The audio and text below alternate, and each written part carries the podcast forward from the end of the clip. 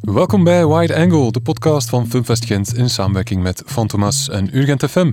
Maandelijks brengen we de auteurs samen van de Wide Angle dossieren, een verdiepend dossier rond de Filmfest Gent on vertoningen.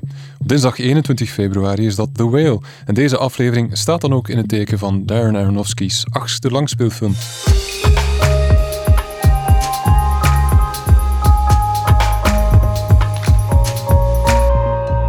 Mijn naam is Tim Marchand en ik heb het genoegen jullie voor te stellen aan... Michael van Worter, schrijver, onder andere voor uh, Fantomas en Fotogenie. Ah, Patrick Duinslager, curator van het Classics-programma van Filmfest Gent. Silke Bomberna, ik versterk het communicatieteam van Filmfest Gent en ik schrijf freelance over film. En er is ook een uh, tweede luik bij deze podcast, want dan hebben we Robin Broos, die spreekt met de Gentse instrumentenbouwer en soundartist Winne Clement over uh, de fluit die hij heeft gebouwd en die aan de basis ligt van de soundtrack van The Whale. Maar eerst Silke, kan jij onze luisteraars kort vertellen wat ze bij aanvang zeker moeten weten over The Whale? Zeker. In The Whale van Darren Aronofsky volgen we Charlie, een reusachtige man die door zijn overgewicht gevangen zit in een grauw appartement uh, tijdens zijn laatste poging om de band met zijn dochter te herstellen. Dat is heel goed samengevat, denk ik. Uh, om te starten, ik zet het even op een rijtje. De Amerikaanse filmmaker Darren Aronofsky debuteerde in 1998 met Pie, brak door met Requiem for a Dream, veroverde harten en prijzen met The Wrestler, verdeelde meningen met The Fountain, Noah en Mother en wist onderweg ook menig keer controverse te veroorzaken. Waar plaatsen we The Whale in het werk van Aronofsky? Het is een typische Aronofsky-film, denk ik. In die zin dat het een, Aronofsky is iemand die moeilijk zo meteen vast te pinnen is. Je moet zo al via een omweg zeggen wat er hem typeert. Dus het is niet, niet dat hij... Want de thema's zijn verschillend, de, de, de, stijlen zoals waarin hij film maakt zijn verschillend. Maar een constante vind ik in zijn werk, dat zeer dominant is, is een soort obsessie voor de excessen, proevingen die een menselijk lichaam ondergaat of kan ondergaan. Dat zit eigenlijk als een rode draad in al zijn films. Dat is al begonnen met uh, zijn doorbraakfilms Requiem for a Dream, waar uh, mensen tonen wat, uh, wat allemaal naalden in, in de ledematen kan aanrichten. In zijn andere films ook natuurlijk The, The Wrestler, waarin je Mickey Rourke ziet die, dat er zo opgeklopt is dat hij bijna een, een mismaakt, misvormd gezicht krijgt. Dus hij gaat daar zeer ver in. je hebt natuurlijk ook zijn balletfilm, die, het is eigenlijk een balletfilm, maar het is meer verwant aan de, aan de Exorcist, vind ik, want het gaat bijna over een uittreffing die die ballerina moet doen. Dus ook waar ook heel veel uh, fysiek leed uh, gepaard gaat. En meer dan fysiek leed, maar ook nog een fascinatie voor de, ik zou bijna zeggen, ook de esthetiek van de, van, van de lichamelijke ontbinding of, of verminking. Dus dat zit er ook in. En um, ja, Modder, Modder is natuurlijk waar dat daar gaat hij het verst in zijn soort fantasie in het einde. Dat is de, hele film is een beetje, vind ik, van de pot gerukt. Daar krijg je een soort uh, fantasie waarin, waarin een, een, een zuigeling, denk ik, uh, eerst een soort uh, aanbeden wordt en dan geofferd wordt en dan uiteindelijk opgepeuzeld wordt. Dus hij gaat er, al, hij gaat er zeer ver in. Ik vind hem een beetje, een, voor mij, een groot charlatan gehalte. Dus uh, ik, ik, geloof hem niet echt zo wat hij doet. Ik vind het allemaal zo'n beetje provoceren om te provoceren, uitdagingen, zeer veel technische uitdagingen die vrij zinloos zijn, zoals waarschijnlijk het meest in die verschrikkelijke film Noah, waar, waar, waar er heel gedoe met, met een ark. En, en het is iemand die, die eigenlijk in het filmen zich, zich is een beetje als, als precies als, als um, uh, doel stelt, uh, ja, waarom het gemakkelijk te maken als het ook moeilijk kan. Dus ik, ik ben niet echt overtuigd van wat hij wil vertellen, nog ben ik overtuigd van de manier waarop hij het vertelt. En het gaat een beetje samen. Dus, uh, maar ik was voor zijn doorbraakfilm, dus Requiem for Dream, daar was ik toch wel van onder de indruk. En ik dacht toen dat we wel met een, een, een vrij, enfin niet een vrij, dat een nieuw talent of een nieuwe stem. En ik dacht dat eruit wel iets zou kunnen groeien. Maar ik vind alles wat er daarna gekomen is, is, allemaal veel minder en is allemaal uh, een beetje de dingen die je zelfs die film zou kunnen verwijten. Dus uh, ondanks het feit dat het wel ik zeer knap gemaakte en cinematografisch ook vaak geïnspireerde film was. Wat je hem daar zou kunnen in verwijten, dat is in andere films uh, opgeblazen. Dus het is een beetje mijn totaalbeeld van, van Aronofsky, die ik van zijn generatie eigenlijk, de, als je dan zegt dat is David Fincher en Wes Anderson. Uh, uh, is hij volgens mij toch de, de, de minst getalenteerde. Dat is een heel helder totaalbeeld dat je daar van Aronofsky geeft. Kijk even naar uh, Michael en uh, dan. Is dat eerlijk ook om Aronofsky een charlatan in zekere zin te noemen? Iemand die ook de belofte van Requiem for a Dream misschien niet heeft waargemaakt? Ja, ik denk voor mij is dat eigenlijk wel ook het idee dat ik ervan krijg. Zeker ook, ik denk, moest Requiem for a Dream, toen ik dat gezien heb, ik denk dat ik 14, 15 was of zo, heel cool, heel nieuw, heel... Um, ja, zoals iets dat ik nog nooit gezien had, omdat ik ook gewoon nog niet zoveel gezien had. Maar ik denk, moest zoiets nu uitkomen, dat de reactie ook wel helemaal anders zou zijn. Um, ook al qua onderwerp en hoe dat hij ermee omgaat. Als je verslaving op die manier afbeeldt, zowel in The Whale als in Requiem for a Dream, denk ik niet dat je een eerlijk oprecht filmmaker bent of zo. Wel, ik vind Aronofsky een aansteller, maar heel soms kan ik dat ook wel smaken. zijn meest van de potgerukte films, zoals Patrick het uitdrukte, Mother. Er zijn weinig betere katerfilms dan, dan die film. Ik heb die twee keer gezien en ik had allebei een kater. En dat is een heel debiele film. Hè? Uh, en Aronofsky, het grote probleem is dat hem lang niet zo intelligent is als hij zelf uh, heel graag denkt. Bij bijvoorbeeld Mother en soms ook Black Swan, ik vind dat niet goed, maar ik kan dat wel waarderen soms. En voor mij het heel grote verschil en het mogelijk grootste probleem met deze film, The Whale, die daar toch genoeg problemen heeft, is dit is waarschijnlijk zijn meest humorloze film. Alles wat van de pot gerukt was bij zijn vorige films, is hier wat mogelijk nog erger is, uh, heel oprecht uh, gemeend. Um, en dat verbaasde mij vooral. Um, binnen zijn oeuvre. Hè. Dus uh, als, je, als je de film probeert te begrijpen binnen zijn oeuvre, wordt hier opeens een soort heel oprechte, mislukte poging gedaan om empathie te gaan hebben voor een personage. Ja, dat is een van de grootste minpunten van deze film, dat het heel duidelijk zijn meest humorloze film is.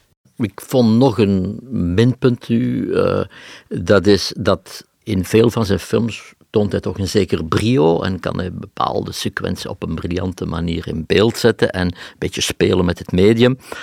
Maar dat heb je helemaal niet in deze film. En, en, het grote probleem is van deze film, het is geen film, het is gewoon een slecht toneelstuk. Het gaat er niet om dat die film zich in één ruimte afspeelt, want er zijn meesterwerken gemaakt die zich in één ruimte afspelen. En ruimtelijke beperking heeft niks te maken of iets toneelmatig is of niet. Het is niet dat hij veel meer beelden had moeten tonen van de buitenwereld, dat zijn film minder toneelmatig zijn. Het is slecht toneel in de zin dat de hele dramatiek gebaseerd is op zo van die middlebrow, Broadway toneelstukken, zo, waarin alle personages een groot geheim hebben, een zware trauma met zich torsen. En dan hebben ze de scène waarin ze dat, waarin ze dat gaan, gaan uiten en zo. Het is bijna een film waarvan je de draadjes ziet. Dus je ziet eigenlijk, de mechaniek is zo duidelijk en, en je zit naar de mechaniek te kijken. Je zit nooit naar een menselijke invulling daarvan te kijken. Die personages, dat zijn geen mensen, dat zijn gewoon figuren uit, een, uit, uit, uit een slechte toneelopvoering. En dat is wat in zijn vorige films, vond ik, uh, niet het geval was. Dus wat ik niet goed begrijp is, uh, voor zover ik de film zie, is hij daar zeer trouw aan. Dus hij, heeft een soort bewondering voor het materiaal waarmee hij werkt. Terwijl je zou zeggen dat dat materiaal, zeker vandaar als je zegt het is, het is zonder humor, de enige manier om dat materiaal interessant te maken, is er bijna een parodie van maken. Tenminste, het belachelijke van veel dingen blootleggen. En hij doet dat niet. Het is bloedserieus, alsof hij alles met een grote dramatische kunst bezig is. Dat vind ik zo'n beetje pijnlijk in, in die film. Dat je dus de figuur van die dochter, die figuur van, van die helpster, alles is eigenlijk aan die film compleet geforceerd en uh, ocinematografisch ook. Ik vind het enige cinematografische, maar dat is heel pijnlijk. Dat is dat soort kwal waar je naar kijkt. Dus dat, dat heeft zoiets, omdat er natuurlijk een soort in Star Wars en zo, dus een soort, dat soort creatuur. En dat heeft iets cinematografisch in de zin van dat dat een reusachtig special effect is. Maar al de rest baat in een soort van geforceerd uh, toneelmatig realisme. Wat je aanhaalt bij de bron dan, misschien heeft er ook mee te maken dat het de toneelschrijver zelf is die het scenario ook heeft geschreven voor de film. Ja, uh, die Samuel D. Hunter. Mm. Misschien heeft het daar ook voor een stuk uh, mee te maken dat het er niet van kan lostrekken van wat het in de eerste zin was. Ja, maar anderzijds kan een regisseur door zijn mise en scène er al zich van losmaken. Maar het is vooral daar dat het dan nog erger wordt. Ik bedoel, hij, hij, de mensen die komen aanbellen, de mensen die verschijnen, die je even ziet door het raam. Je ziet zo op toneel hoe ze dat op toneel gedaan hebben. Heeft dat gewoon overgezet op film. Dus dat werd niet. Een, het zijn ook theatrale films die spelen met de conventies van toneel. Maar die dan daar een filmische swing aan geven. De hele Duitse school, de theatrale Duitse school uit de jaren zeventig, dat zijn allemaal mensen die theater gedaan hebben en die in hun films zitten vol met theatraliteit, maar die theatraliteit is bewust uh, of extra in de verf gezet, ze doen er iets mee. Hier is gewoon slaafs een toneelstukje verfilmen. Ja, terwijl het wel, wat ik, uh, zover ik begrepen heb, zijn vaste DOP is. Uh, weet hij, Matthew Lebatic, die de meeste van zijn films al heeft gedaan ook. Dus daar is ook iets fout gelopen wanneer jij het hebt over eh, de koortjes die je nog ziet, ik denk dat dat een heel juist beeld is. Ergens zo de poppen die hij lijkt boven te halen. De manier waarop ook Brandon Fraser moet voortbewegen, heeft iets van een pop waarvan je de, de touwtjes, de koortjes nog ziet hangen, terwijl de regisseur hier hem dan probeert te bespelen. En dat is eigenlijk ook iets wat jouw tekst al oproept, uh, Silke, dat de manier waarop hij hier wordt neergezet, die figuur, uh, waar Patrick ook al naar verwees, toch problematisch is. Ja, absoluut. Allee, Patrick zei het zelf al, dat is geen mens waarnaar dat je kijkt. Het is gewoon de, de...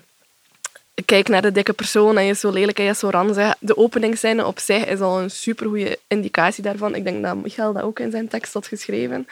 Ja, de masturbatiescène.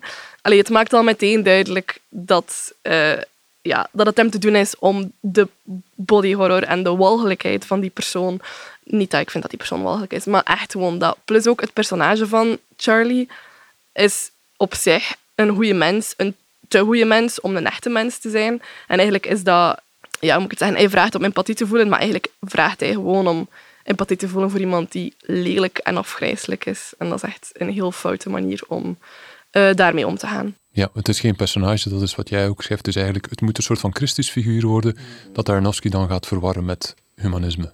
Ja, ja, um, ja, er gebeuren heel veel. Het hele idee van iemand volledig terug te gaan brengen naar enkele aspecten van zijn identiteit, zij het dan dik zijn, uh, zij het dan asexueel, homoseksueel zijn, om dan nadien te gaan zeggen van ondanks het feit dat hij dik was en ondanks het feit dat hij zijn dochter heeft verlaten voor de liefde van zijn leven, is het toch nog altijd iemand die onze sympathie zou moeten verdienen. Dat vind ik een heel vreemd procedé. Um, Uh, zeker als dat dan nog eens verward wordt met inderdaad die soort Christus onderliggende structuur, waarbij um, ja, er soort verlossing van andermans zonde door een masochistische lijden van Charlie plaats zou moeten vinden. Dat is allemaal heel erg geleend diepgang van dingen die dat slecht zijn in de, in de werkelijkheid, van andermans lijden, om uw film dan het soort, uh, de illusie van diepgang te geven. Behalve uh, dikke mensen zijn ook mensen heeft Aronofsky met deze film niet veel te zeggen. Het is niet dat ik inzicht in heb gekregen in het leven van iemand die dat 300 kilo weegt. Het is niet dat ik nu beter begrijp wat het betekent om mijn dochter te verlaten voor de liefde van mijn leven. Het is een, een, een, heel, een heuse pile-up van uh, verwensingen en van uh, beschuldigingen van, van de nevenkast.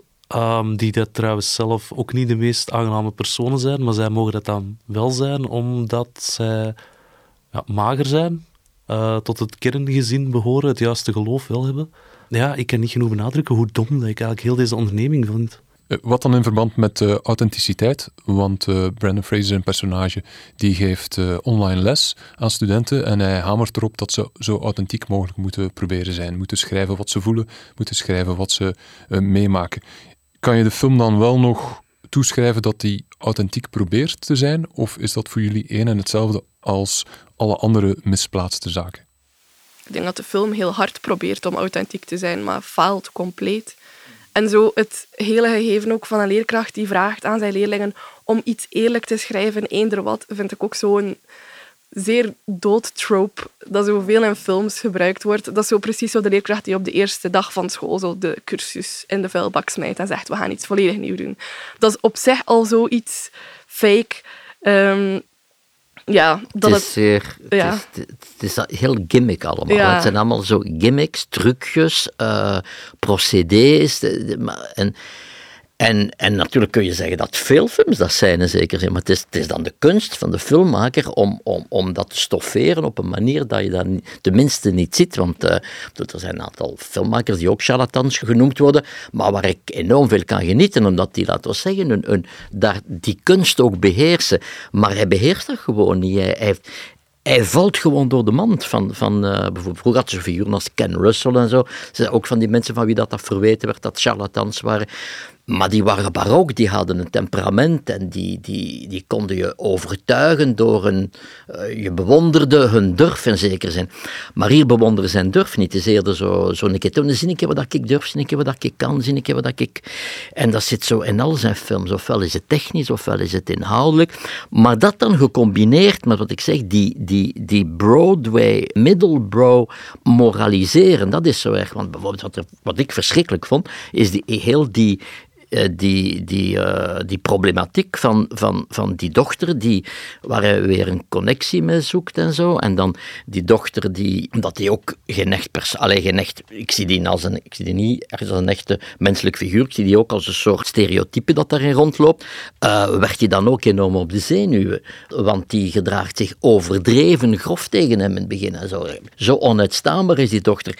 En hij, die hele film wordt er dan ook zo op een zo'n soort krampachtige manier uh, dat hij homoseksueel is. Dus in het begin ook, hij masturbeert op homoporno. En dan uh, is, heeft hij de grote liefde van zijn leven, is daar jaren mee gelukkig geweest. Daar wordt zo verschillende keren gezegd. Er is dan zo, ook zo theatraal, zo nadrukkelijk zo'n foto die af en toe zo'n keer terugkomt, zo dat requisiet.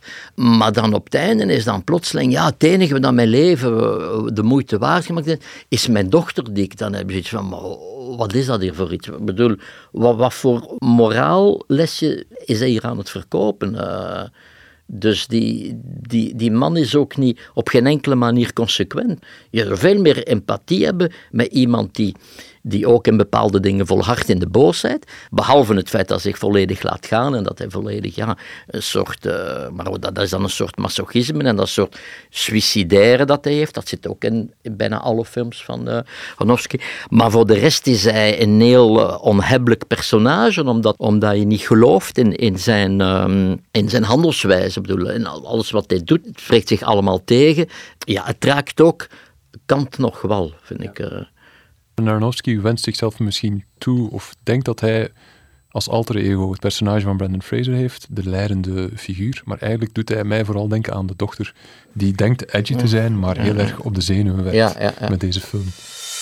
Waar we het nog niet hebben over gehad, is natuurlijk het grootste verhaal dat rond de film wordt opgehangen als het gaat naar hoe we hem naar buiten brengen, is het comeback-verhaal. En daar, Silk, heb jij vooral je tekst uh, aan gewijd ook. Wat is het met comeback-verhalen dat een publiek zo hard weet te raken, dat ons als mensen zo hard weet te fascineren. Heeft het al eens gedaan met uh, Mickey Rourke en The Wrestler en nu opnieuw dan met uh, Brandon Fraser. Hoe komt dat toch, dat wij zo vallen voor comeback-verhalen? Ja, het is sowieso een goed verhaal. Uh, Brandon Fraser was in de 90s um, super hot, veel gevraagd, maar ook heel knap speelde in heel veel blockbusters. En dan is hij zo wat verdwenen. Ook zo het hele MeToo-verhaal zit er ook wel wat in. Dus ik denk dat we zo wel, sowieso wel wat supporteren voor iemand die zo veel heeft meegemaakt. Ook scheiding. Uh, zijn moeder is gestorven. Um, dat is allemaal zoiets waar we denk ik als mens wel empathie kunnen tonen. Meer dan met de whale in elk geval. En het feit dat hij dan nu terugkomt, niet meer de looks heeft van vroeger, maar wel nog alle charme en mensen kan raken met zijn performance, ja, is sowieso wel een heel goed verhaal. En ja, uh, cultureel gezien denk ik ook, om, daar een beetje terug op te komen, ja, de eerste echt grote comeback uh, in onze cultuur is natuurlijk Jezus Christus. En wij hebben zeker uh, in de westerse cultuur, denk ik, een soort obsessie met hergeboorte. En de idee dat het nooit te laat is om alsnog het te maken. En dat, dat alles wat voordien kwam, tot op zekere hoogte, vergeven kan worden. Dat, dat idee van die hergeboorte, van die verlossing van een verleden, in, in culturen wiens geschiedenis dat toch zo vol van uh, vreselijke daden zitten. Ik denk dat die obsessie met de hergeboorte uh, in de meest uh, oppervlakkige vorm dan een soort celebrity comeback verhalen zijn. En dat ons daarom zo aanspreekt. Want het is iemand die super sympathiek is. En dat, en dat maakt hem eigenlijk zo charmant ook. Maar het is eigenlijk iemand, als je die filmografie bekijkt, dat is dus huilen met de pet op. Er, zijn, er zijn twee films die goed zijn. Dat is The Quiet American, verfilming van Graham Greene. En dat is uh, Gods and Monsters van Bill Condon. Dat is, is, een schitterende film, misschien het beste wat hij ooit gedaan heeft. Uh, maar al de rest zijn is, is, dat, is dat geen interessante acteur. Hè? Nee, zo, het is een nostalgie en hij heeft op een zeker moment zo een, een verschijning geweest, zoals, zoals Kevin Bacon in de jaren zeventig, door een paar dansfilms een, een idool geworden is. Maar hij is nooit een idool geweest door zijn kunde als acteur. Hè? En de mummy ga je nu niet vermelden, Patrick? Wel, ik vond dat heel slecht toen ik het gezien heb. maar ik weet dat ik mij nu zou... Als ik nu zou zien, zou ik, zou ik waarschijnlijk zeggen... Ja, als ik de films nu zo... Die, die monsterfilms zie, maar ik ga daar meer naartoe. begrijp dat het nu nog veel erger is. Maar dat is natuurlijk het probleem met Hollywood. Dat wat vroeger slecht is, daar begin je nu eigenlijk een soort kwaliteit in te zien, omdat het nog zoveel erger geworden is. En, uh, dat, ja. Maar ik vond dat de lawine van special effects, ik vond dat hysterisch, ik vond dat... Uh, maar er kon wel gelachen worden, in tegenstelling tot in The Whale. Ja, ne, ne, ik heb liever dan een serieuze monsterfilm. Uh, zoals, dat, zoals de films van uh, James Whale, die Frankenstein-films gemaakt heeft, ook een film over The Invisible Man en zo. Maar dat waren films uh, waar uh, dat bovennatuurlijke, of die, fantastiek, dat is een, een fantastische film, dat je dat aanvaarde en dat je dat als een soort realiteit kon appreciëren. Dus ik vind dat veel interessanter dan nu nu is alles parodie. Hè? Parodie is de kunst van de lafaard. Ik bedoel, als je echt uh, laf bent en je wilt niet tonen waarvoor je staat, dan maak je parodie. En je lacht met alles. En dan ben je clever, en dan ben je, dan ben, maar dat is superieur. En dat is dan het grote voorbeeld daarvan. Nu zijn we wat uitweiden, maar het grote voorbeeld van is Guy Ritchie. Dat is als je echt wil zeggen, wat is nu het absolute dieptepunt van cinema? Dat is Guy Ritchie. Dus vandaar dat ik zeg, die, ik vond al die mummie ook, het was allemaal mijn knipoog. Ik vind knipoog... Ja, van, bij de mummie had ik dan niet zoiets van... Nou, mm. Het was het plezier van een B-film met duur effecten. De baby wordt omvergereden door een camion, maar hij is niet echt dood, de baby. Mm, ja, oké. ja. uh...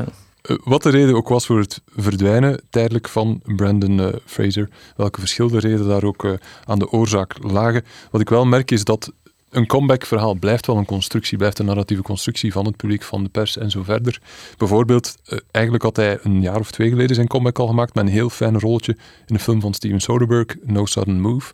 Maar dat vergeet men dan, of dat wordt dan onder het tapijt geveegd, om dit, het grote comeback-verhaal, te kunnen maken natuurlijk. Maar wat me nog interesseerde, omdat het hier ook voor een groot stuk gaat over authenticiteit, het is heel duidelijk dat het publiek tuk is op een zogezegde authenticiteit die van Brandon Fraser afdruipt. En jij, Silke, jij ziet dat als een symptoom, om het zo te zeggen, van onze honger eigenlijk naar eerlijkheid. Dat we zo'n grote nood hebben naar authenticiteit, weg van de ironische knipoog waar Patrick het net nog over had. Ja, ik vind wel dat, ja, uiteraard is dat deels ook een constructie, maar dat hij um, heel oprecht overkomt ook in die rol in The Whale. En ik denk wel dat dat iets is dat hij vroeger ook al altijd had. En oké, zijn filmografie is een hele... Um, ja, hij heeft slechte keuzes, allee, of toch rare keuzes gemaakt. Um, maar gewoon ook het feit dat hij vaak zo mannen speelt die voor het eerst de wereld zien, heeft wel iets charmant. Ook omdat hij dat zo doet met zoveel overtuiging en zo echt de kinderlijke onschuld. En voor mij alleszins, ik vind dat wel echt iets heel verfrissend. Want nu, we hebben vaak anti-helden of zo en worden vaak gevraagd om empathie te voelen voor de meest slechte personages. Terwijl hij heeft zo echt iets heel oprecht. En het is zo niet moeilijk om hem leuk te vinden of zo. En dat vind ik wel iets heel fris en nieuw. Michael, je favoriete Brandon Fraser film van vroeger? Um, oh, uh, Out of the Past. Ah, Blast from the Past. Blast from the Past, ja. Out of the Past van Jacques Tourneur. Kijk, dat hij daar ook in mee. Dat was een goeie, hè? Uh, nee, maar um, het is ook ja, dat hele, dat hele comeback-verhaal. Um, ik herinner me, ik ben oud genoeg om mij tien jaar geleden de McConaissance te herinneren. En dan, het ding is, over vijf jaar krijgt Brendan Fraser dan die Oscar en dan kunnen we hem terug vergeten. De nood voor die comeback-verhalen um, is ook dusdanig dat je om de zoveel tijd een nieuw comeback-verhaal uh, gaat moeten krijgen. En ja, op dit punt ben ik eigenlijk de, de Renaissance al beu. Ja. Um, omdat het dan met een heel stupide film begonnen is. Ah, in termen van authenticiteit, ja, zijn performance is waarschijnlijk het beste in uh, de hele film. Maar zoals ik dat heb bij een heel slecht toneelstuk met heel goede acteurs, dan heb ik de hele tijd de goesting om te roepen, jullie hoeven dit niet te doen. Jullie zijn aan het proberen iets te redden wat dat die moeite allemaal niet waard is. En authenticiteit in deze film, in hoeverre is dat dan ook niet gewoon sentimentaliteit? Want pogen te grijpen naar authenticiteit zonder echt te begrijpen waar dat je mee bezig bent, dat is dan misschien gewoon sentimentaliteit.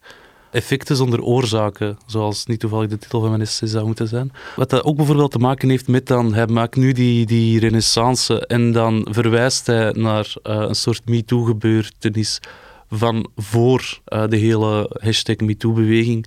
En ik ga niet zeggen hoe dat die jongen al dan niet zou moeten reageren op eender wie dat hem aanraakt. Maar ergens in het debat zou er ook wel genoeg nuance moeten zijn om te zien dat wat er toen ook gebeurd is, dat nu ingezet wordt in een verhaal, omdat we leven in, en dat is het punt waar ik naartoe wil gaan, een soort slachtoffercultuur.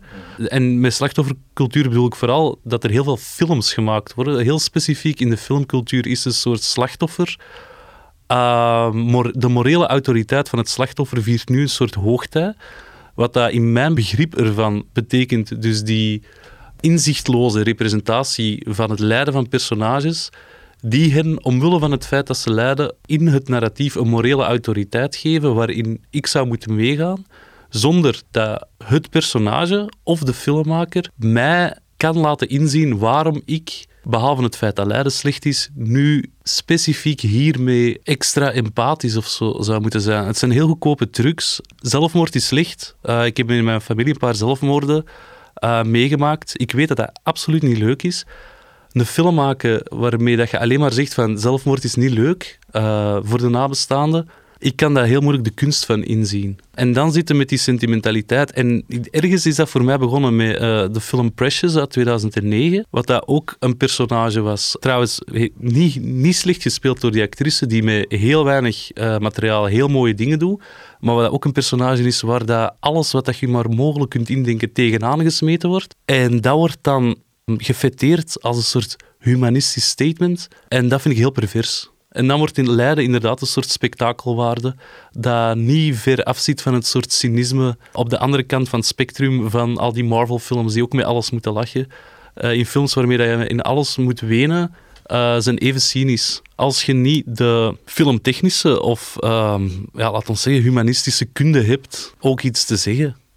Ja. Want inderdaad, als je de cynische tour opgaat, Patrick, jij haalt het aan, hè, maar zoals je ook zei, zoals je aanhaalt in je tekst ook, het levert ook Oscars op. Bijvoorbeeld, hij haalt aan uh, ah, ja, zelfmoord ja. wrestler, wat tot een Oscar-nominatie leidde voor die uh, acteur. Er is natuurlijk geen direct link, maar uh, het valt erop. Of het personage dan in Black Swan, Natalie Portman heeft er een Oscar voor gewonnen, dus inderdaad... Ja, omdat Oscars altijd gelinkt is, niet alleen aan lijden, maar ook vooral aan transformatie, dat ze je meer herkennen als je, als je dus... En vooral ook, dat is de contradictie van Hollywood, ze, ze, doen alles om er zo schoon mogelijk uit te zien en ze laten zich verbouwen en trekken en sleuren om er jonger uit te zien. Maar als ze dan een Oscar moeten hebben, dan moeten ze zich zo zwaar mogelijk toetakelen. Dus je hebt hier zo een soort dichotomie, vind ik, tussen wat is het eigenlijk? Wil, de, wil er nu goed uitzien of wil er nu slecht uitzien? Dus ik, ik vind dat een zeer bizarre, een hypocriet ook, maar zo de manier waarop men, op men twee standaarden heeft om, om prijzen te krijgen, om goed als acteur echt aanvaard te worden, dan moet je slecht uitzien en oud en, en, en eventueel met, met één of meerdere gebreken en zo. Maar anderzijds, om je te tonen, dan ben je eigenlijk uh, kunstmatig perfect. Dus het is zeer bizar en dat is een interessante uh, psychologische kronkel, denk ik. Ja, ik zie als we teruggaan naar hoe het internet houdt van acteurs zoals Brandon Fraser en Keanu Reeves, zie ik ook wel een parallel met jouw tekst, namelijk dat ze dan wel telkens opnieuw herleid worden tot één deel. Brandon Fraser is authentiek, heeft een heel goede glimlach. Keanu Reeves is de meest sympathieke, meest aardige persoon ter wereld die je maar tegen kan komen, maar daardoor worden ze ook net minder menselijk, maar dat is misschien ook wel eigen aan internetcultuur en hoe die acteurs zoals hem gaan verafgoden.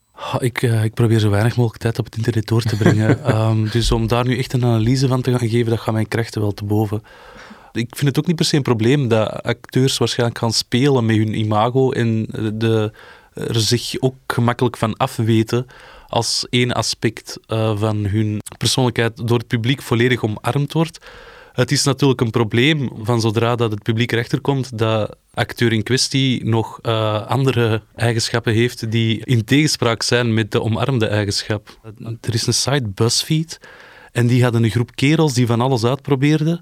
En een van die kerels, heel zijn identiteit was gebouwd op het feit dat hij zot was van zijn vrouw. En het is uiteraard die kerel die betrapt werd op overspel. Ja, dat, dan ben je heel dom bezig. Uh, en dat is dan ook het gevaar van dat hele internetgebeuren ja, ik ben van bepaalde mensen fan om bepaalde dingen die zij doen, maar niet per se om de manier waarop dat die hun leven leiden. Ja, om het terug te brengen naar de films van uh, Aronofsky.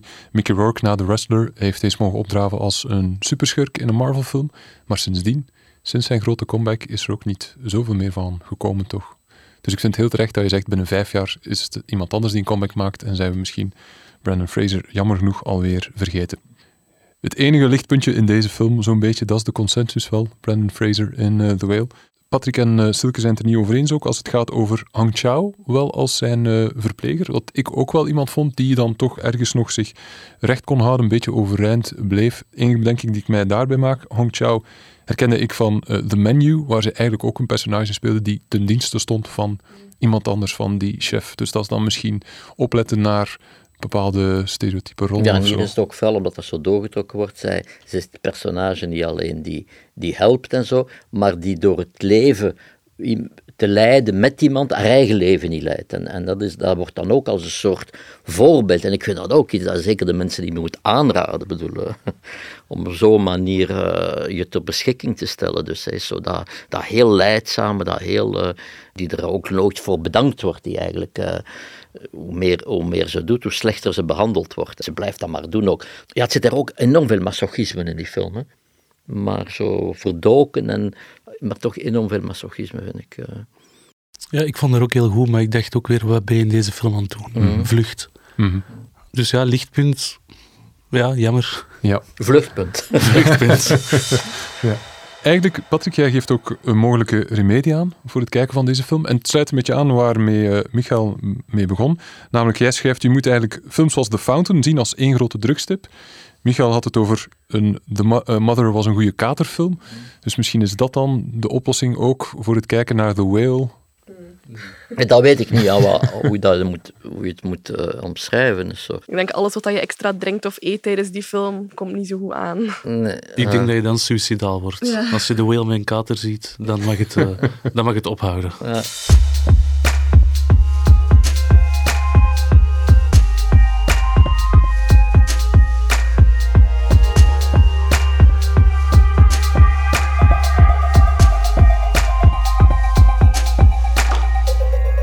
Praten over films leidt altijd tot meer films, of dat nu goede of slechte films zijn. Welke films zien jullie graag in een watchlist bij The Whale? Ik dacht aan Swallow, als het toch gaat over eetstoornissen. Um, ja, heb ik um, van genoten is een raar woord. Uh, ik vond dat een goede film. En heeft een grotere boodschap of zo dan The Whale.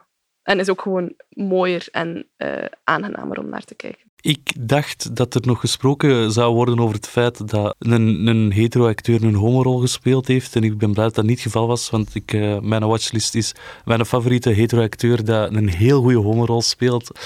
Marcello Mastroianni in Una Giornata Particolare. En verder voor uh, verhalen, koldereske verhalen over, over dikke mensen, zou ik ook bijvoorbeeld het theaterwerk van Abattoir Fermé met uh, Stef Lernoes, die de laatste keer dat ik hem zag ja, een dikke mens is, die dat uh, dikheid op een veel interessantere manier, op een grappige manier, zonder dat het dan ook een soort Asterix en Obelix-achtig dik wordt, maar die in ieder geval doorheeft dat dikke mensen mensen zijn die dat in een samenleving leven, samen met andere mensen. Dus dat werk zou ik dan aanraden.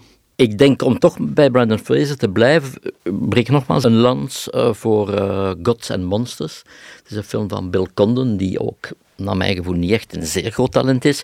Maar dat is wel een heel, ik weet niet of jullie de film gezien hebben, is een, die, die is wel een film die zeer juist zit, denk ik. En daar speelt Brandon een beetje ironisch, omdat... Uh, Brandon Fraser is beroemd geworden door die mummiefilms. En die mummiefilms zijn in feite updates uh, of reboots van onze tijd van de klassieke Universal films uit de jaren 30. En hij speelt in die film de tuinier van James Whale, regisseur die precies de, de, enkele van de beste van de Universal horror films, Frankenstein in 30 en Bride of Frankenstein, zo mogelijk nog beter, uit 35 geregisseerd heeft. Dus dat is interessant dat er zo een soort link is die, die, die totaal, zo'n film heb ik vaak, die niemand echt zo bedoeld heeft, maar dat geeft een interessante spanning.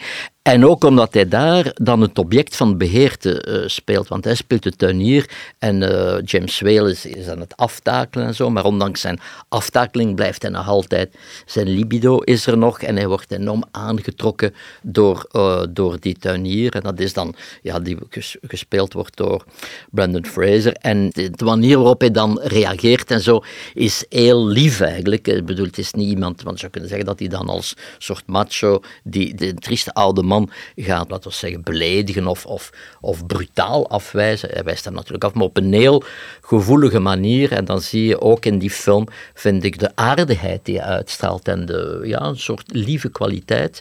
Dat zit in die film heel sterk in, in zijn rol. Maar probleem is ook altijd met mensen die zo lief zijn en die zo aardig zijn, dat de, de grens met domheid ligt dicht in de buurt. En hij slaagt erin dat juist te overstijgen. Zeker in zo'n film. Zegt niet, oh, wat is dat een domme tuinier? Nee, is niet dom, is gewoon zo goedaardig dat hij gewoon de, de, de bepaalde dingen van de hardheid van de wereld niet onder ogen ziet. Dat is wel zo in Encino Man of Blast from the Past vind ik dat ook wel heel Ja, hard. dus dat is wel een, uh, hij is wel een kwaliteit die van hem uitstraalt, denk ik. Die ook niet kan spelen, denk ik. Want het moet ook Nee. voor een stuk fysiek, uh, je mimiek, je ogen, heel mooie blik en zo, dat dat daarin... Uh, voilà, dus die film. Ja, lijkt me een heel mooie aanvulling. Ik moest denken tijdens het kijken van de film ook aan een kortfilm, eigenlijk uh, Willy, kortfilm van uh, Emma de Swaaf en Mark James Rules. Duurt uh, 17 minuten, dat wil zeggen dat je hem eigenlijk zes keer kan kijken in plaats van naar The Whale te kijken. Niet dat ik daar iets wil mee zeggen, maar ik moest eraan denken, het is een stop-motion film die eigenlijk veel meer empathie, veel meer nuance weet op te brengen ook rond een zwaarlijvig mannetje. Gemaakt uit heel zacht stof. Zijn moeder woont in een nudistenkamp.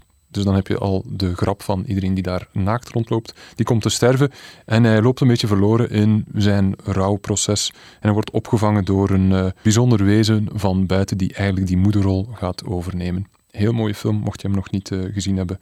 En dus om deze letterboxdlijst uh, mee af te sluiten. Filmfest Gent verzamelt alle filmtips voor jullie in een handig lijstje op Letterboxd om te appen of naar te surfen.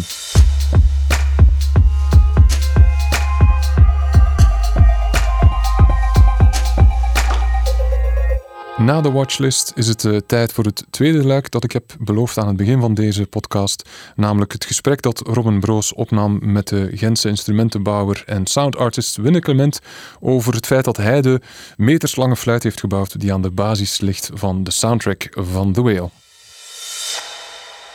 Welkom in het atelier van Winne Clement. Instrumentenbouwer, sounddesigner, Gentenaar en ook wel een... Uh eigenlijk een beetje het geheim achter de soundtrack van The Whale. Maar daar gaan we het zo meteen over hebben. Dag Winne. Hallo, dag goed. Misschien moet je even al eens kort uh, vertellen, ja, wat is dit hier eigenlijk, jouw atelier? Wat doe jij hier? Wat doe ik hier? Zoeken naar klank. Naar, uh, een, een, het is een bepaalde klank die ik zoek, iets die mij raakt. En een bepaalde vibratie in de klank. Um, dat is wat ik hier doe. Ja. Ik, ik, om het melig te zeggen, klank sculpteren. Oké.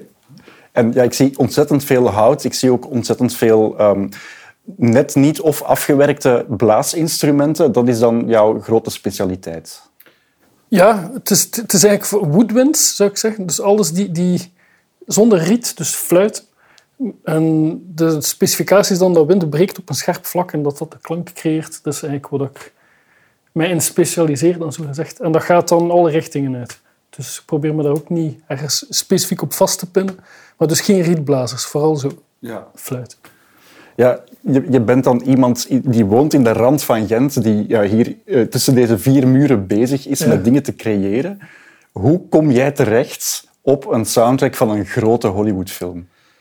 Oh, internet, YouTube. Zo, ik heb wel het geluk dat ik eigenlijk... Um, een paar filmpjes heb die het goed doen op YouTube. En, en dat ik in een heel kleine niche werk. Er zijn er niet veel die zo gek zijn als mij om daar zo fulltime mee bezig te zijn. En dan heb je het voordeel als je goed wordt in iets kleins, dan, dan word je snel opgepikt of, of wordt er rap gezien.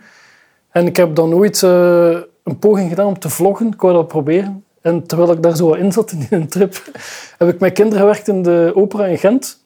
En daar had ik een heel grote fluit gemaakt uit PVC-buizen omdat dat podium zo groot was en die kinderen waren zo klein, dus er, was, er ontbrak iets. Ik heb dan zoiets in elkaar geflanst in de nacht. En ik had hun beloofd om daar een, een edit van te maken en op YouTube te zetten. Dus ik had dat gefilmd. Ik heb dat filmpje op YouTube gezet. En uh, Rob, de, de componist van de soundtrack, zat blijkbaar op mijn kanaal, omdat er een paar van die filmpjes waren die dan veel bekeken worden. En dat was dan door mijn materiaal aan het gaan waarschijnlijk. En had dat gezien en dan heeft hij mij gecontacteerd aan de hand van dat kramikkig geëdit vlogsken. Zo stom kan het gaan. Dus wat doet hij dan? Dan eh, kruipt hij in zijn Instagram en dan stuurt hij jou een berichtje Ja. of pakt hij meteen de telefoon? Nee, dat gaat altijd via sociale media dan ook. Ja. Dus je kunt dan een professionele website hebben en een e-mailadres die daarvoor dient en zo. en dan merk ik dat die mensen nu gewoon via Instagram of via Facebook eh, contacteren. In zijn geval was het dan Instagram. Ja. En wat is de vraag dan concreet? Want ja, hij is de componist van die film, Rob Simonson. Die zal wel een idee Ja. hebben van waar dat, waar dat heen moet gaan.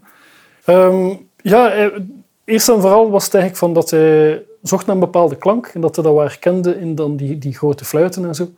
En wat ik daar zelf van dacht, ook dat ik dat zag. En, en dan zijn we beginnen ja, wat ideeën over en het weer eh, kaatsen. Totdat dan eigenlijk het idee was om zo groot mogelijk te gaan, om zo'n diep mogelijke klank te hebben. En dat dan ook effectief, eh, ja, hoe moet ik dat zeggen, akoestisch op te nemen. Dus niet gepitcht of gedaan. Hij heeft dat dan uiteindelijk wel gedaan.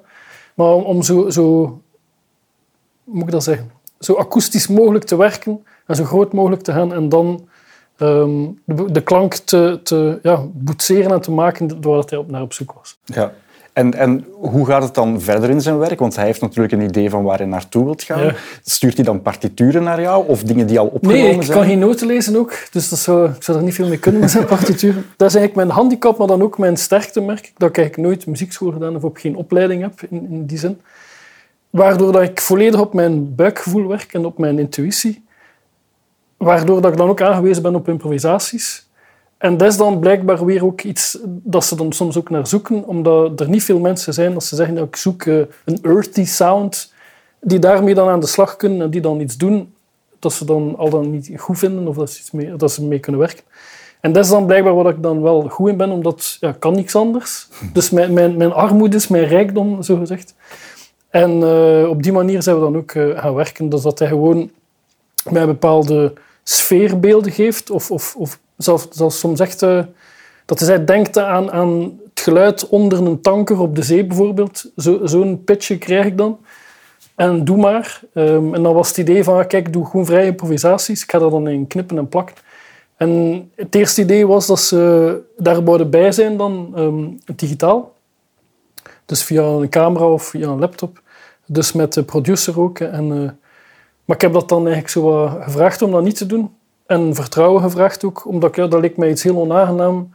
Je zit daar al met een geluidstechnieker en, en je moet dan zo wat in je moment kruipen. En als er dan twee pipo's, zeggen, door een sleutelgat zitten te kijken, dat voelt raar dan. eh. Toch zeker als je het weet. Ja. Ja, eh, dus ik heb gevraagd van kijk, laat mij gewoon doen en we zullen wel zien eh, wat dat op uitkomt. En dat was dan zo een beetje moeilijk, maar hij heeft dat dan uiteindelijk wel losgelaten. Ehm, en uiteindelijk was hij heel tevreden, dus kijk, ik heb geluk gehad. Je hebt dat niet hier opgenomen, hè? want het, Nee, het instrument nee. zou hier ook niet in passen. Hoe groot is het eigenlijk? Eh, de grootste kan ik verlengen tot een meter of acht. Ehm, maar dan ook zochten we een akoestische ruimte, dat je wel een reverb hebt, omdat dat dan ook wel, eh, die instrumenten hebben dat wel nodig. Zeker ook in het kader van die soundtrack en zo was dat dan wel gepast. En dan hebben we dat opgenomen in de kapel van de Zusters van Liefde in de Molenaarstraat. En dan eh, ja, ben ik met een geluidstechnieker naar daar gegaan, s'nachts, of ja, s'avonds, zo na tien uur, voor het omgevingslawaai en zo een beetje tegen te gaan. En zijn we gaan opnemen.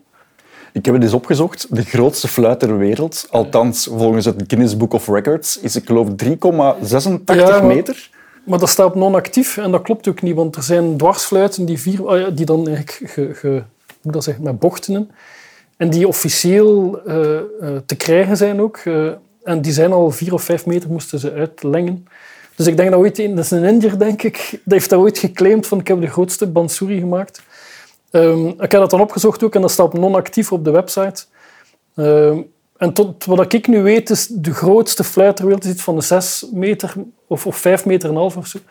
Dus ik denk dat ik het zo, zo op, op een ludieke manier kan claimen van ik heb de grootste fluit ter wereld gemaakt. Ja, eigenlijk zelfs niet eens Maar- officieus. Officieel. Ja, maar het hoeft voor mij ook niet direct. Ik vind het wel grappig, maar voor de rest eh, is het er weinig waarde of eh, dingen. Ja. Ik heb de soundtrack beluisterd. Ehm, het valt eigenlijk op dat je jouw eh, klanken al hoort in de eerste seconde. Ik vind wel dat, dat ik kan stellen dat jij die soundtrack echt vorm hebt gegeven. Ja, dank u. het, is, hij heeft veel gebruikt. Ehm, wat, wat ook tof is, dat als je dan iets doet, ook dat dan wel opgepikt wordt. Ehm, maar hij heeft er, is er goed mee aan de slag gegaan, ja, mijn ding. Hoe komt het dan bij jou binnen? Want ja, jij, jij doet die opnames dan hier in de, in de kapel van de zusters, zusters van Liefde en dan ineens stuurt dat op naar, naar Rob en dan stuurt hij iets terug? Of, of... Ja, hij, heeft hij is dan aan het werk gegaan en op een bepaald moment heeft, mij dan, heeft dan zo de, de ruwe edits dat hij had, of de, de ruwe vorm heeft hij, heeft hij doorgestuurd. En dan, het is vooral dan grappig, het moment dat, dan, dat de film af is en dan als de, de première in Venetië was, op het filmfestival in Venetië. Daar was je bij? Ja, dan zijn we dan daar naartoe geweest. eh. En dat is dan wel iets speciaals als je daar in die grote zaal zit met al die, die, die bekende mensen ook, die er oh, oh, heel, eh, hoe moet ik het zeggen, zo de wereld die daar zit. En dan in die omgeving, als je dan plots die klanken zo hoort, dan, dan is het wel toch wel een tof moment. Dat je zo vanuit je- hoe moet ik dat zeggen, teruggetrokken bestaan bijna, dat je iets creëert en maakt en dat gaat gaan opnemen in, in een onbekendheid en dan in één keer op zo'n podium dat je die klanken hoort. Dat geeft wel... Het is dubbel, maar het, is, het geeft ook wel een voldoening. Hè. Is, eh, Je had mij vooraf gezegd dat je schrik had dat ze jouw naam verkeerd zouden schrijven op de Schrik. aftiteling. Ja, schrik. Enfin, nee, dat je verwacht had. Nee, het is veel als ik naar buitenland ga dat ze mijn naam verkeerd uitspreken. Dus ik- mijn mijn eh, niet-officieel naam is Winnen. Officieel noem ik Gawin. Maar, dus iedereen zegt Winnen tegen mij.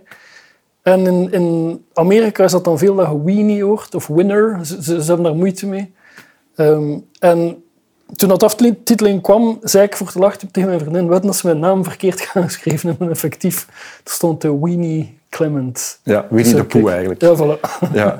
Zeg, heb, je daar dan, los van eh, Rob Simonson, de componist, ook met mensen, andere mensen van eh, de film gesproken? Eh, een paar acteurs. Ehm, en dan ja, met Hong Chao heb ik eh, even gepraat. Omdat we dan eigenlijk... eh, door Rob waren we dan in dat hotel, dat, dat chic spel, zo eigenlijk naar de... Hoe ik dat zeggen? De, de VIP-ruimte geleid. En daar dan ook met, met, eh, met Darren en zo gepraat. En, en dan is iedereen daar en een paar andere bekende acteurs daar ook rondlopen. En ik kwam me dan een beetje om de achtergrond. Ik ga dan niet iedereen daar zo... Ik zou dat kunnen doen. Hè. Je zou dan ze kunnen vastgrijpen en een selfie nemen. En ze doen dat dan ook. Maar ik vind dat... Ik weet het niet. Dus je ik hebt geen foto, beetje er is geen Ik heb bewijs van. jawel, het is, er heeft iemand gefilmd of zo. Ah ja. Maar eh, zij kwam dan wat met ons praten. En dan... eh, Brandon Fraser is daar dan en zo. En, maar ik weet niet, om die Maar dan zo weten vast... ja. Weten die wie jij bent op zo'n moment? Of denken die van, daar staat zo'n rare? Nee, nee, zij, zij weten niet wie dat ik ben. Hè. Maar dat was omdat ik met Rob aan het praten was en, en zij kwam er dan bij. En dan zei Rob tegen haar van, kijk, hij heeft die fluit gemaakt. Ah ja, en dan krijg je zo een gesprekje. Ja. Ehm, maar de rest laten dan eh, voor wat dat is, denk ik. En dan wel met, met, ehm, met Darren. ehm, even gesproken, maar dat was daarvoor. Ik was hem eigenlijk tegengekomen in de lobby en dan eh, zo'n gesprek gehad. En eh, hij zei wel van, oh, you're the guy who makes the big fucking flutes. dus hij wist al waar dat over ging. Maar voor de rest is dat dan, ja, laat het zo bestaan zeker. Ik was wel even starstruck toen dat Steve Buscemi naast mij stond. Dan dacht ik, oh, Mr. Pink van Reservoir Dogs. En dat is wel iets speciaals dat je zo... Ja, dat is wel, dat is wel tof eigenlijk. En zelfs dan grijp je niet naar je smartphone om... Oh, ik weet niet, in dat moment... Nadien denkt van, ja, het zou slim zijn om dat te doen, voor jezelf dan te verkopen nadien en zo. Dat, dat, staat, dat staat altijd goed op sociale media en zo dingen. Maar ik weet niet, ik heb dat dan niet in mij op dat moment om, om dat te gaan doen. Ga je hem nog eens kijken, de film? Ja, ik zal hem nog een paar keer zien waarschijnlijk. Sowieso op de première en dan heb ik al een paar vrienden beloofd om, om samen een keer te gaan kijken. Dus Veel plezier daarmee. dank u wel. En grote dank om eh, ons hier ja, welkom te heten in eh, toch wel het atelier waar het gebeurd is. Met plezier. Merci, Winne. Daarmee spoelen we aan op het einde van deze negende Wide Angle podcast in het teken van Darren Aronofsky's The Whale. Die gaat in avant-première op dinsdag 21 maart met Filmfest Gent on tour. De volgende Wide Angle wijden we aan La Double Vie de Veronique, een filmklassieker uit 1991 van de hand van de grote Poolse cineast Krzysztof Kieslowski met een indrukwekkende dubbelrol voor de Franse actrice Irene Jacob. Wij zijn geïnteresseerd in waar jullie moeten aan denken welke films naar boven komen bij dat thema van dubbels en dubbelrollen. Dus wij lezen heel graag jullie associaties bij dubbels en dubbelrollen via de Facebook- en Instagram-pagina's van Filmfest Gent. En wie weet gaan we daar dan mee vertrekken bij de opname van de volgende podcast. La Double Vie de Veronique is een betoverende film die in een kraaknet gerestaureerde versie op het witte doek kan ontdekken dinsdag 21 maart tijdens een van de Filmfest Gent On Tour avant-premières verspreid over Vlaanderen. Deze podcast kan je samen met alle vorige afleveringen beluisteren via filmfestival.be. Even doorklikken brengt je ook bij de teksten van Silke Bomberna, Patrick Duinslager en Michael van Remoorteren. Bedank nog graag onze luisteraars, mijn tafelgasten voor een bijdrage, Robin Broos voor het gesprek met Winne Clement en de vaste partners van Filmfest Gent Wide Angle. Dat zijn Fantomas, Filmscalpel en Urgent FM.